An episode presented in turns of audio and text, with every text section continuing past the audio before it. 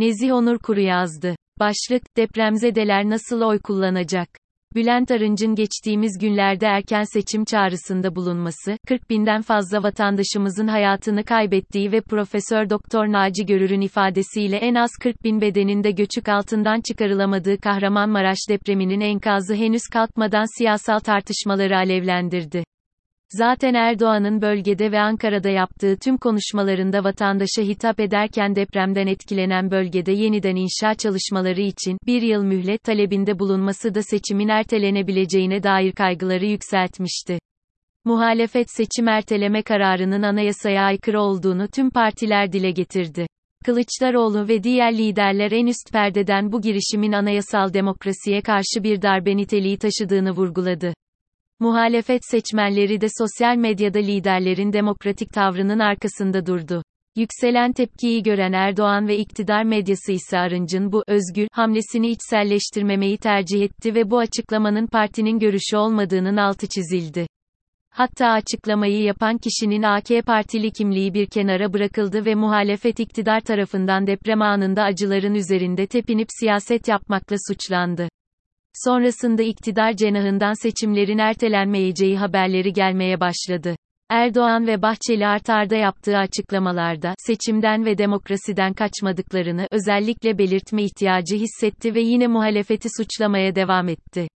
Fakat seçimin tarihinin 14 Mayıs mı yoksa 18 Haziran mı olacağı sorusu henüz nihai yanıt bulmuş değil, YSK'nın açıklamaları bekleniyor.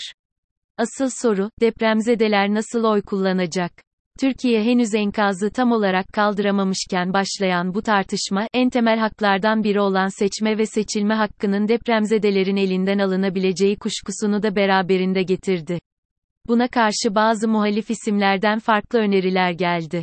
Örneğin CHP Genel Başkan Koordinatör Başdanışmanı Erdoğan Toprak, depremzedelerin oy kullanabilmesi için iki model önerdi.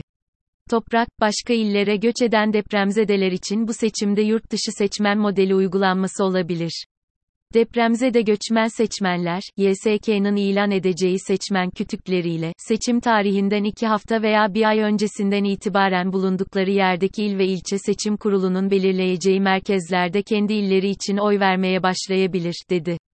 Depremzedelere bölgelerine yakın illerde de oy kullandırılabileceğini belirten Toprak, 2015 ila 2018 seçimlerinde ağırlıkla Doğu Güneydoğu Anadolu bölgesinde uygulanan düzenlemeyle YSK'nın, seçim ve sandık çevrelerini yeniden düzenleyip, deprem illerine yakın, güvenli çevre illerde depremzede seçmenlere oy kullanma olanağı sağlamasıdır, açıklamasını yaptı.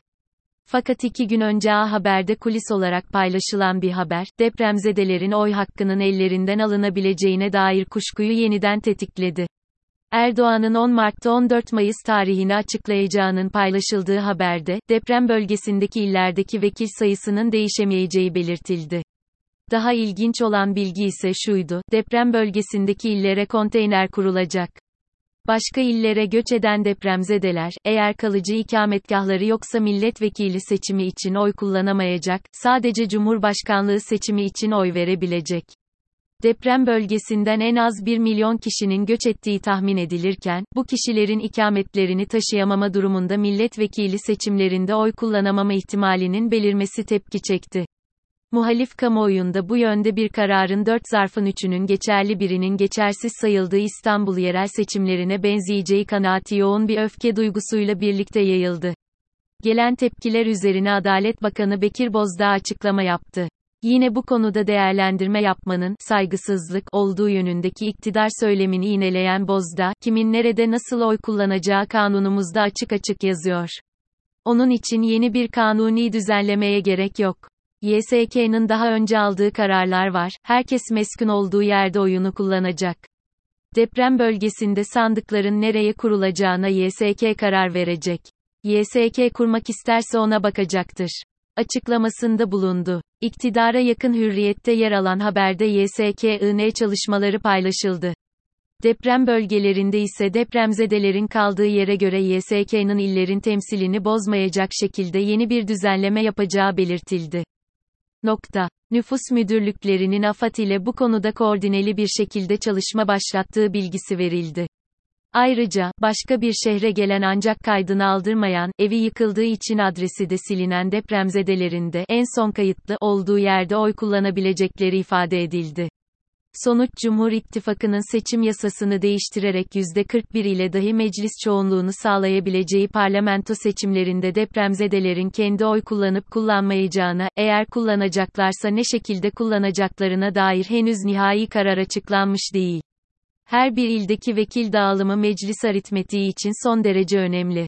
Buna bağlı olarak, Cumhurbaşkanlığın seçiminin ikinci tura kalması halinde, meclis çoğunluğunu elinde tutan taraf büyük bir avantaj elde edecek. Dolayısıyla kamuoyunda oluşan kaygı hali yatışmış değil.